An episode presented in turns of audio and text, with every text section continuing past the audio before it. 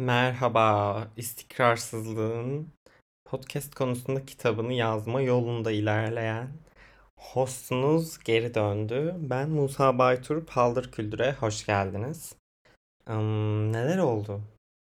Güzel şeyler oldu. Kötü şeyler de oldu. Ama sonuç olarak buradayım ve şimdi size anlatacağım bunları. Öncelikle son bölümden beri neler oldu birazcık bundan bahsedeyim. İşte aniden İstanbul'a dönmem gerekti. Tuhaf hissettim. Şöyle böyle diyordum. Neden dönmem gerekti? Çünkü taşınıyordum. Yani taşınacaktım daha doğrusu. Daha doğrusu taşınma planı yapıyorduk. Yapıyordum, yapıyorduk. Ev arayacaktık vesaire. Ve bundan dolayı aslında o ruh halindeydim. Sonrasında neler oldu? Neredeyse tam olarak iki ay geçmiş ve artık dedim ki hadi bir konuşayım bari. Ee, taşındım ve aslında bu taşınma geçmişteki bütün taşınmalarımdan ve pek çok kez taşındım ben bu arada bilmiyorum haberiniz var mı ama yaklaşık sanırım İstanbul'daki sekizinci ya da altıncı evim olabilir. Hayatımda genel olarak da böyle onuncu taşınmam falan olabilir emin değilim şu an tam olarak. Ama neyse çok taşındım ve ilk kez bu kadar manevi anlamda bana iyi hissettiren bir taşınma geçirdim. Çünkü istediğim bir yere, istediğim biriyle e, olacak bir taşınmaydı bu. Ne oldu derseniz şöyle bir şey var. Kuzenim, çok sevdiğim kuzenim İstanbul'da üniversiteye başladı ve ben de artık onunla yaşama yoluna ilerledim. Yani bir ev arkadaşım olacaksa zaten bu kuzenim olsun. O da evde kalacaktı. Yani evde kalmak istiyordu. Ailesi de böyle istiyordu. Ben zaten evde kaldığım için dedik ki okey hadi beraber ev bakalım. Ama tabii ki şu anki ekonomik eee, iklimde mi denir? Ne denir? Ev aramak dünyanın en zor şeylerinden biriydi ve biz taşındığımızda zaten bir küsur aydır ev arıyorduk aslında. Yani online olarak zaten sürekli ev e, arıyorduk, bakıyorduk, insanları arıyorduk, teklif alıyorduk. E, yaklaşık 100 küsür dolandırıcıyla konuşmuş olabiliriz. Tabii ki burada mübalağa yapıyorum ama e, bir dakika. Yatakta yatıyorum da sesim muhtemelen bok gibi geldiği için şu an bir düzelme ihtiyacı hissettim. Neyse düzeldim. Yani korkunç insanlarla tanıştık, dolandırıcılarla tanıştık, dolandırıcılarla e, konuştuk. Yani yediği kapa kapa ama yediği kaba pisleyen insanlarla iletişim kurmak zorunda kaldık. Ama sonrasında neyse ki istediğimiz yerde, istediğimiz bir ev, içimize sinen bir ev bulduk ve tuttuk. Ve orada yaşıyoruz işte. E, sanırım neredeyse iki aydır. Hatta iki ayı geçti galiba. Üçüncü ayda olabiliriz emin değilim ama iki buçuk ay oldu. Neyse. Önemli olan bu değil. Ne kadar olduğunu bir buçuk ay oldu. iki buçuk ay olamaz. iki aydır bölüm kaydetmemişim zaten. Neyse. Sonuç olarak biz taşındık ve e, evde çok huzurluyuz. Ama tabii ki bu taşınma birazcık şu açıdan da zorlu oldu. Biz eşyalı bir ev tutmadık. Çünkü uzun süre yaşamayı planladığımız bir ev burası ve artık kendi ben kendi eşyalarım olmasını istedim ve eşyalı ev tutmanın ne kadar mantıksız olduğunu da bildiğim için yıllardır yaşanan ev tecrübelerimden e, dedim ki eşyasız tutalım ve hani okey yavaş yavaş eşyaları alalım ama çok hızlı bir şekilde yani işte ilk iki haftada falan bütün eşyaları neredeyse hallettik. Ee, işte Çanakkale'den buraya gelen eşyalar oldu. Ailemiz geldi gitti vesaire derken zırttı zarttı zurttu derken evimizi kurduk ve yaşıyoruz bir süredir burada. Ee, bu ev nerede? İstanbul'un Anadolu yakasında. Anadolu yakasına artık şükürler olsun taşındım. Çünkü ben Avrupa yakasından çok sıkılmıştım gerçekten. Yani e, bilmiyorum. Artık bana hiç iyi gelmiyordu. O kaos, sürekli o gerginlik, o iç içelik, evlerin üst üste binmiş olması vesaire yani beni çok kötü etkiliyordu. Dışarı baktığımda hiçbir yeri göremiyor olmak, evlerin ışık almıyor oluşu ve çok ilginç bir şekilde evet Anadolu yakasının belirli yerlerine göre Avrupa yakasının belirli yerleri belki daha uygun olabilir. Ama Avrupa yakasında benim yaşlarımda birinin yaşayacağı, işte toplu taşımaya yakın, toplu taşımadan kastım otobüs değil bu arada yani hani raylı bir sisteme veya metrobüse e, yakınlık ve metrobüsün de merkezi bir yere yakın olması falan filan hani böyle şeyleri düşünüyorum. Çünkü aileler düşündüğünde şey gibi bakıyor ya İstanbul'da var ev falan gibi ki artık onların olduğunu düşündüğü yerlerde de yok da. Yani anlayacağınız avcılardan bahsetmiyorum mesela. Yani bence anlatabilmişimdir. Kağıthane belki. Mesela Avrupa yakası için konuşuyorsak. Ve hani kiralar korkunç Avrupa yakasında. Ve çok anlamsız çünkü evler bok gibi. Yani gerçekten bok gibi evlere bok gibi ay bok gibi evlere saray paraları istiyorlar. Ha benim şu anda yaşadığım yerde de hani kiralar çok mu uygun? Hayır değil. Ama yaşam kalitesi çok daha yüksek. Yani hani şu an yaşadığım yerde insanlar birbirine saygılı. Mahallede kaldırımlar var. Ağaçlar var. Sahile 10 dakikada gidebiliyorum.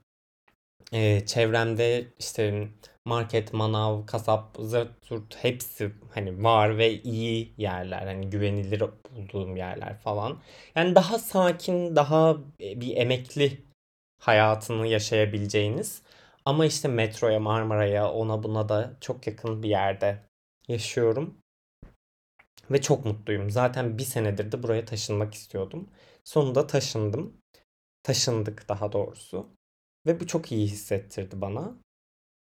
Ama aynı dönemde tabii ki yine hani hayat e, inişler çıkışlar ya da inişten çıkıştan da ziyade dualiteden ibaret ya. Yani her şey aynı anda oluyor hayatımızda. Anlamlandıramadığımız şeyler ya da bize çok anlamlı gelen şeylerle e, çok aniden gelen şeyler hep bir arada oluyor. Ve tabii ki de öyle bir dönem yaşıyordum, yaşadım. Telefonum çalıyor. Bu dönemden kastım da ne? Yani hani böyle hani bazı şeyleri sorguladığım bir dönem geçirdim. Ama bu sorgulamak şundan ibaret değildi. Önceki bölümde size şey demiştim ya işte etrafınızda olan insanlara dikkat edin. Kimin çevrenizde olduğu gerçekten sizin hayatınız için, sizin seçimleriniz için, sizin kararlarınız veya yöneldiğiniz şeyler için çok önemli diye. Tam olarak o aslında. Ben de kendi hayatımda bunu yaptığım bir dönem geçirdim ve e, bazı şeylerin farkına vardım. Yani bazı şeylerin aslında bana o kadar da iyi gelmediğinin ve artık tamam hani yavaş yavaş hayatımdan çıkabileceğinin kabulünü yaşadığım bir zaman oldu. Hani zor değil ama hani bitter e, zor değil ama bitter sweet derler ya hani böyle bitter çikolata gibi. Tatlı ama acı da. Yani öyle bir dönem geçirdim diyebilirim. Ve çok fazla böyle uyanış yaşadım yani dedim. Böyle kendi kendime bir hallere girmeler, ay neler oluyor, ben ne yaşıyorum gibi şeyler. Yani hem iyi anlamda hem kötü anlamda. Yani mesela şöyle bir dönem geçirdim. Ben bilmiyorum siz de hani böyle şeyler yaşıyor musunuz ara ara ama bir noktada şunu dedim. Mesela bir arkadaşımla oturuyorduk ve ona bunu söyledim. Ya hayatımdaki herkesten vazgeçebilecekmiş gibi hissediyorum. Artık kendime o kadar fazla yetiyormuş gibi hissediyorum ki hayatımdaki herkes çıkabilir. Hatta sanırım belki de çıkmasını istiyorum gibi bir cümle kurdum. Burada kastettiğim şey ne? Yani bazen arkadaşlık ilişkileri, insan ilişkileri sizin o zenliğinize dokunabiliyor ya. Bu çok da normal bir şey. Yani iletişim böyle bir şeydir zaten. İyi günler, kötü günler, başkalarının iyi günleri sizin kötü günleriniz, onların kötü günleri sizin iyi günleriniz, beraber kötü olduğunuz günler olur. Ve okey yani arkadaşlık böyle bir şeydir zaten. Ama ben işte kendi huzuruma hiçbir şekilde el değmemesini istediğim için böyle hayatımdaki herkesin yok olmasını istediğim bir birkaç hafta geçirdim. Çünkü hayatımda ilk kez bu kadar aslında huzurluydum. Hem maddi anlamda ilk kez bu kadar kendime yetebiliyordum ve e, olmasını beklediğim noktadaydım artık.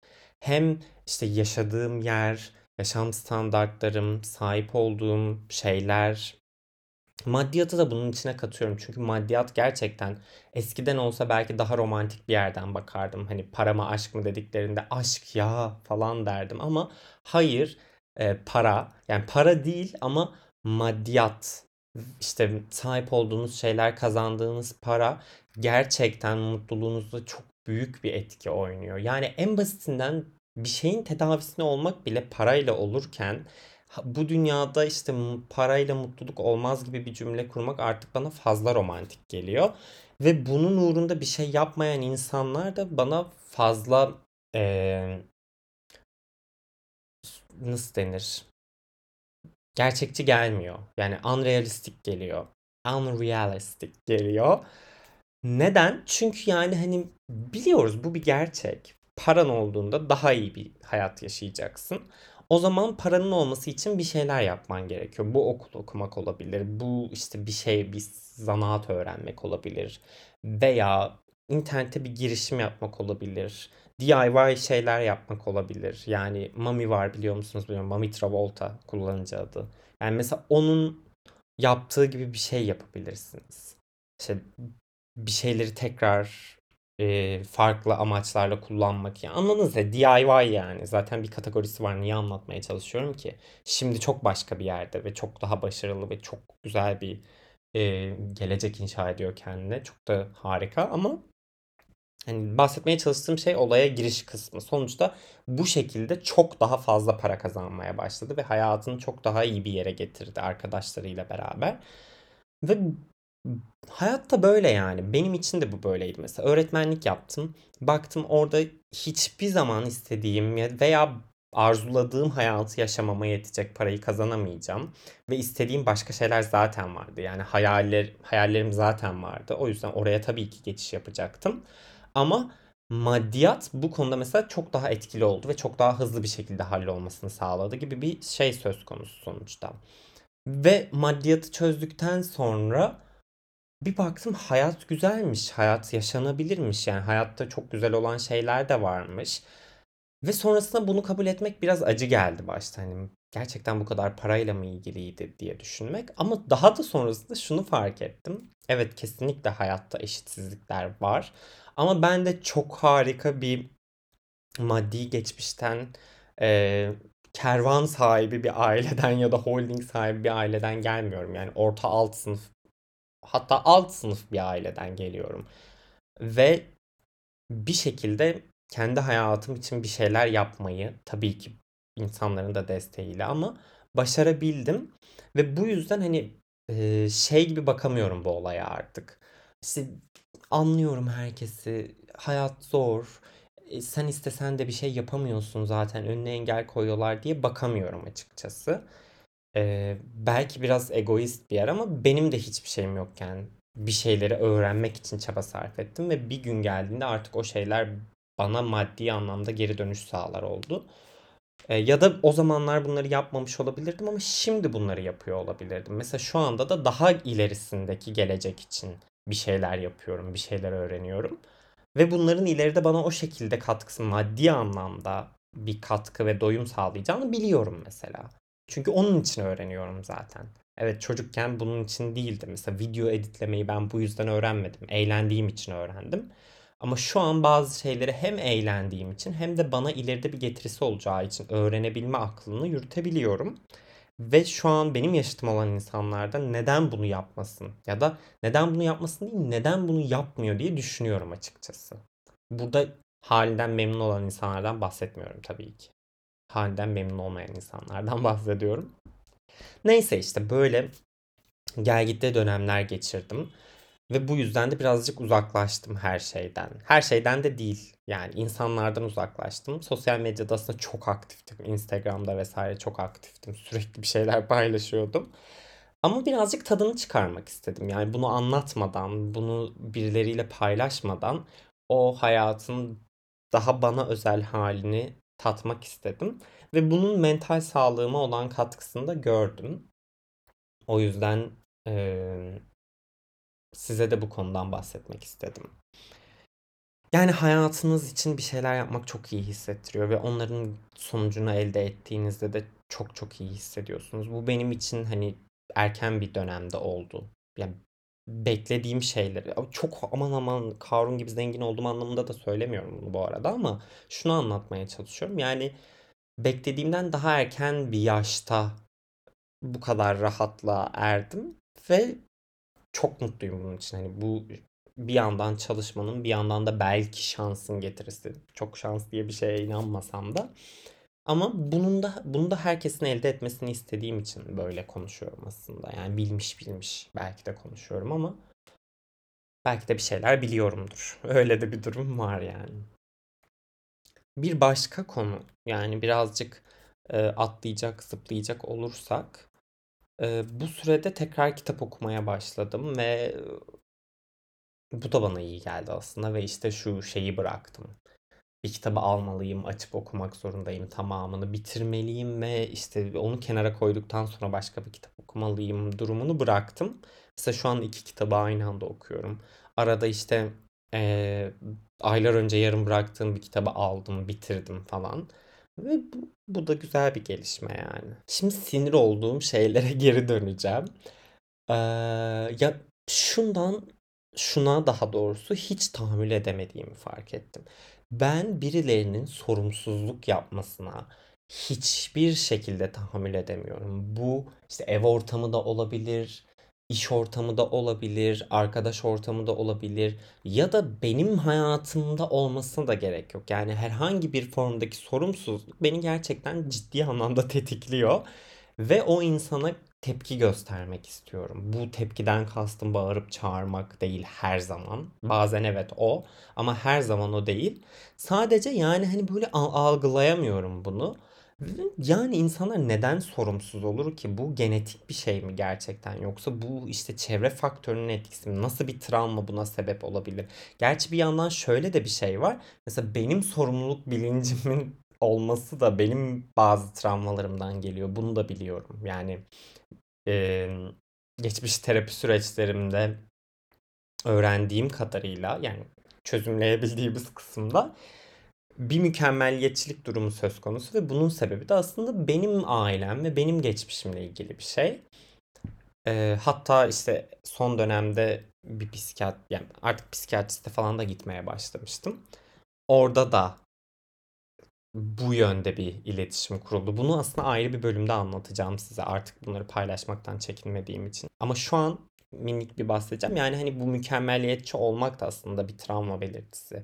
Hani bir bir şey olmuş ki sen böyle bir sistem geliştirmişsin hayatında. Böyle bir şema oluşmuş ve orada devam ediyor yani.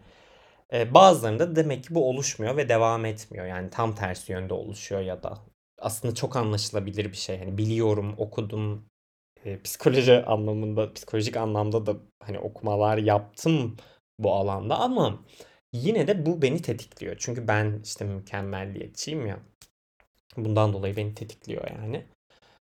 Ee, bilmiyorum. Çok ilginç. Bir de buradan şuna da girebilirim. İnsanların eee, flört etmesi ya da yani flört etmesi tabii ki beni sinir etmiyor. Ondan bahsetmiyorum da böyle deli gibi hayatında olacak birini araması. Ben de bu arada hani öyle bir dönemden geçtim. Ben de sürekli hani birinin olması, yanımda birinin olması aslında onun desteğini istemek oluyor. Onun da farkındayım.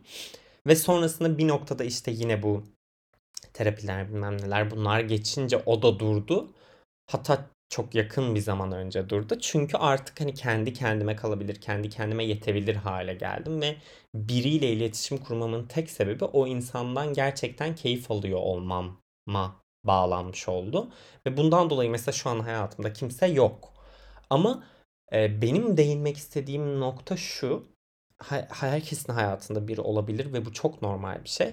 Ama ben mesela etrafımda çok fazla gözlemliyorum bunu. Her sene her sene burada amacım slut shaming yapmak değil. Herkes istediği kadar insanla beraber olabilir. istediği kadar insanla yatabilir. Ee, istediği kadar insanla istediği şeyi yapabilir. Bu değil değinmek istediğim kısım. Lütfen orası yanlış anlaşılmasın. Söylemeye çalıştığım şey şu. Farkında olarak kendini toksik ilişkilere sokuyor bazı yani çevremde olan bazı insanlar ve biliyorlar aslında sonucunu. Çünkü en başından itibaren bu konuşuluyor hani bizim aramızda. Ve mesela 3 ay sürüyor o ilişki. Ve 3 ayın da hani 2 ayı toksik bir şekilde devam ediyor. Sonra o ilişki bitiyor ve yılın geri kalan işte 9 ayında bu insan o insanın arkasından ağlıyor, zırlıyor. Ah işte çok üzdü beni, çok kırdı, aldattı beni, şöyle yaptı, böyle yaptı. Ama zaten en başından beri belli bu yani. Ve bu her sene tekrar ediyor. Yani çok yakınımdan insanlar bunu yaptığı için artık hani bu tuhaf geliyor bana. Ya tuhaf gelmiyor. Bunun da arkasında sebepler var ama her şeyi de oradan ele alamam yani. Çok saçma. Her şeyde e, bunun psikolojik bir açıklaması var ama diye bakarsam e, konuşamam yani. Sinir olacak bir şey bulamam anladınız mı?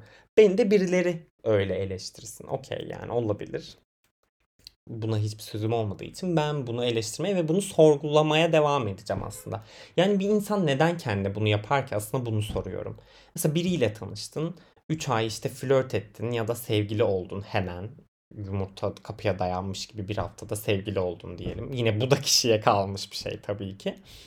Ve sonrasında şey işte 3 ay sonra bitti. Ya aldatıldın ya da işte kavga, küfür, kıyamet. Yok işte hayatına kısıtlama getirmeler, kıskançlık krizleri bilmem ne. Akıl edip hadi ayrılabilmişsin. Ya da belki de o senden seni işte onun istemediğin bir şey yaptığın için senden ayrıldı falan.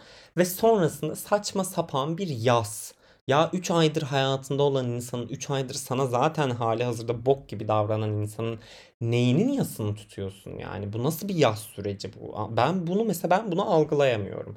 Ve bu yüzden aslında bu kadar bu konuya celalli bir şekilde giriş yaptım. Lütfen bunu yapmayın kendinize ya. Yani hani tamam hiçbirimiz sütten çıkmış ak kaşık değiliz. Hepimiz toksik ilişkilerde bulunduk. Hepimiz kendimizi de sömürtürdük, kullandırdık. Başkalarını da kullandık. Yani hepimiz değilsek de ben yaptım en azından. O yüzden e, I'm guilty. Kabul ediyorum bunu.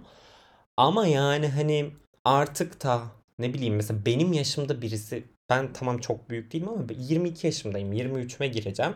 Ve hani artık algılarsın ya yani az çok insanların hareketlerinden bazı çıkarımlar yaparsın yani. Hani bu kadar da kör at gözlüğüyle bakmazsın hayata. Sadece önünde olanı görmezsin. Biraz satır aralarını okursun. Rap yapar gibi konuştum. Bilmiyorum. Neyse. Burada neyse artık iyi bir konuya geçiyorum. Ne oldu? Ne oldu? Fanboy, fangirl geliyor. Hazır mısınız? Taylor Swift Midnight albümünü yayınladı. Bundan da bakın şimdi yine iyi bir şeyden konuşacağım demiştim ama konuşmayacağım. Şunu fark ettim. Ya bazı insanlar yüzünden mesela bir konuda olan çok sevgimi ifade edememeye başladığımı fark ettim. Ama burada fanatizmden söz etmiyorum. Bu önemli. Mesela ben Taylor Swift'i çok seviyorum ve müziğini işte çok seviyorum. Söz yazarlığını çok seviyorum ve bunu neşeyle yapamadığımı fark ettim. Çünkü hani şey yargılaması. Kimseye dayatmıyorum bu arada. Yani istemeyen dinlemesin, hiç sevmesin umurumda değil. Ama ben onu sevdiğim için mesela tepki görmek çok mantıksız bir şey. Bunu algılayamıyorum ve bu kısım beni birazcık içimi bastırmış sanırım. Bunu fark ettim. Ama şimdi özgürce bu konu hakkında konuşacağım. Çünkü yani kimsenin artık işte bir şeylerle dalga geçtiği için bastırılması durumunu kaldırabilecek durumda değilim. Ve öyle bir dönemde de değiliz bence artık yani yeter çünkü. Ee, Taylor Swift Midnight albümünü yayınladı ve ah yani muhteşem. Çünkü şöyle bir şey var. Hani tamam ben zaten Taylor Swift'i seviyorum ve yaptığı işleri de seviyorum genel olarak ama bu albümde birkaç albümün tınıları ve e, vibe'ı olduğu için ve o albümler de benim sevdiğim albümler olduğu için çok hoşuma gitti. E, yani bilmiyorum çok iyiydi. Neden Midnight? Çünkü işte şey hani gece yarısında birden aklına gelip de yazdığı şarkılardan oluştuğunu söylüyor. Ben bayıldım ve işte turneye de çıkacak şimdi. Lütfen, lütfen Avrupa'da yakın bir yere gelsin de gidebileyim yani. Şu an hayattaki e, yakın dönem hedeflerimden birisi bu. Artık canlı görmek istiyorum. E, albümden sevdiğim şarkılar da hepsi ama tabii ki belirli favorilerim var. Çünkü yani o kadar da değil. Hani o kadar da kör kütük de dinlemiyorum. Yani dinliyorum da yani arada seçimler de yapıyorum. Öncelikle Lavender Haze'i çok beğeniyorum ben. Çünkü anlattığı şeyi de seviyorum. O işte Hani her şeye rağmen güzel olan bir ilişki ve falan filan. Joe Alwyn'le olan ilişkisi üstüne aslında yani. Sonra Maroon var. Güzel ama hani aa kesinlikle favorim demem. Anti-Hero var. O da yine güzel, eğlenceli bir şarkı ama yine kesinlikle ah bu benim favorim demem. Snow on the Beach, Lana Del Rey ama Lana Del Rey ile olan şarkı. Yani güzel ama e, güzel yani dinliyorum ama ah, kesinlikle bu şarkı benim favorim yine demiyorum. You're on You're on your own kid. Yani you are on your own kid. Artık yalnızsın çocuk, çocuğum.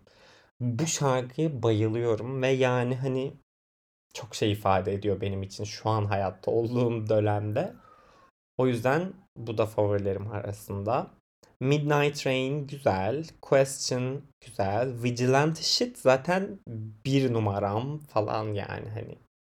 Slay. E, Reputation'daki o vibe olması ama daha olgun bir hal olması vesaire çok seviyorum o yüzden. Bejeweled'ı da seviyorum ama hani o favorim değil. Labyrinth'i seviyorum. Karma'yı çok seviyorum. Sweet Nothing de çok güzel. Ama hani bakın favorim demiyorum. Çok güzel diyorum. Mastermind güzel. The Great War çok güzel. Bigger Than The Whole Sky çok güzel. Paris en az dinlediğim şarkılardan biri. High Infidelity bu da güzel. Glitch güzel. Whatever, Kurev, Shrev bu da çok güzel. Yani bu da benim favorilerimden birisi. Ve Dear Reader. Bu 3AM Edition'ı yani deluxe hali gibi. Deluxe ya da. E, Dear Reader ve Vigilante Shit kesinlikle bir numarada. Sonra Lavender Haze, You're on Your Own Kid ve e, Vurev Kurev Şurev geliyor. Sonra da işte kalanlar saydım zaten yani daha fazla saymayacağım. Neyse ki böyle bir şey yaptı da sonunda bir albüm çıkardı da birazcık işte daha keyifli yani. Hani sevdiğiniz birinin yaptığı işi dinlemeyi, izlemeyi seversiniz ya. Öyle bir şey yani. Yoksa zaten vardı çok güzel müzikler. Tavlo da mesela albümünü yayınladı ve o da çok güzeldi.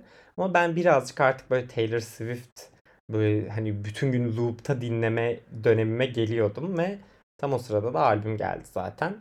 Ve turnede de şey olacakmış işte böyle The Eras Tour diye geçiyor zaten. Yine e, arena turnesi olacak. Stadyum pardon arena değil stadyum turnesi olacak. Ve e, olayı şu işte dönemleri Taylor yani bütün dönemlerini kapsayacak bir konser turu olacak. Ama bakalım nasıl olacak. Yani her albümden şarkılar olacak muhtemelen. Şimdi bir de işte eski albümlerini tekrar kaydediyor falan ya. Bundan dolayı sanırım.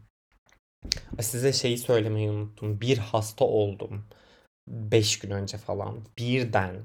Birden yani hiç yoktan üşüdüğümü anlamadan yani enfeksiyon da kapmamışım belli ki çünkü iyileşiyorum.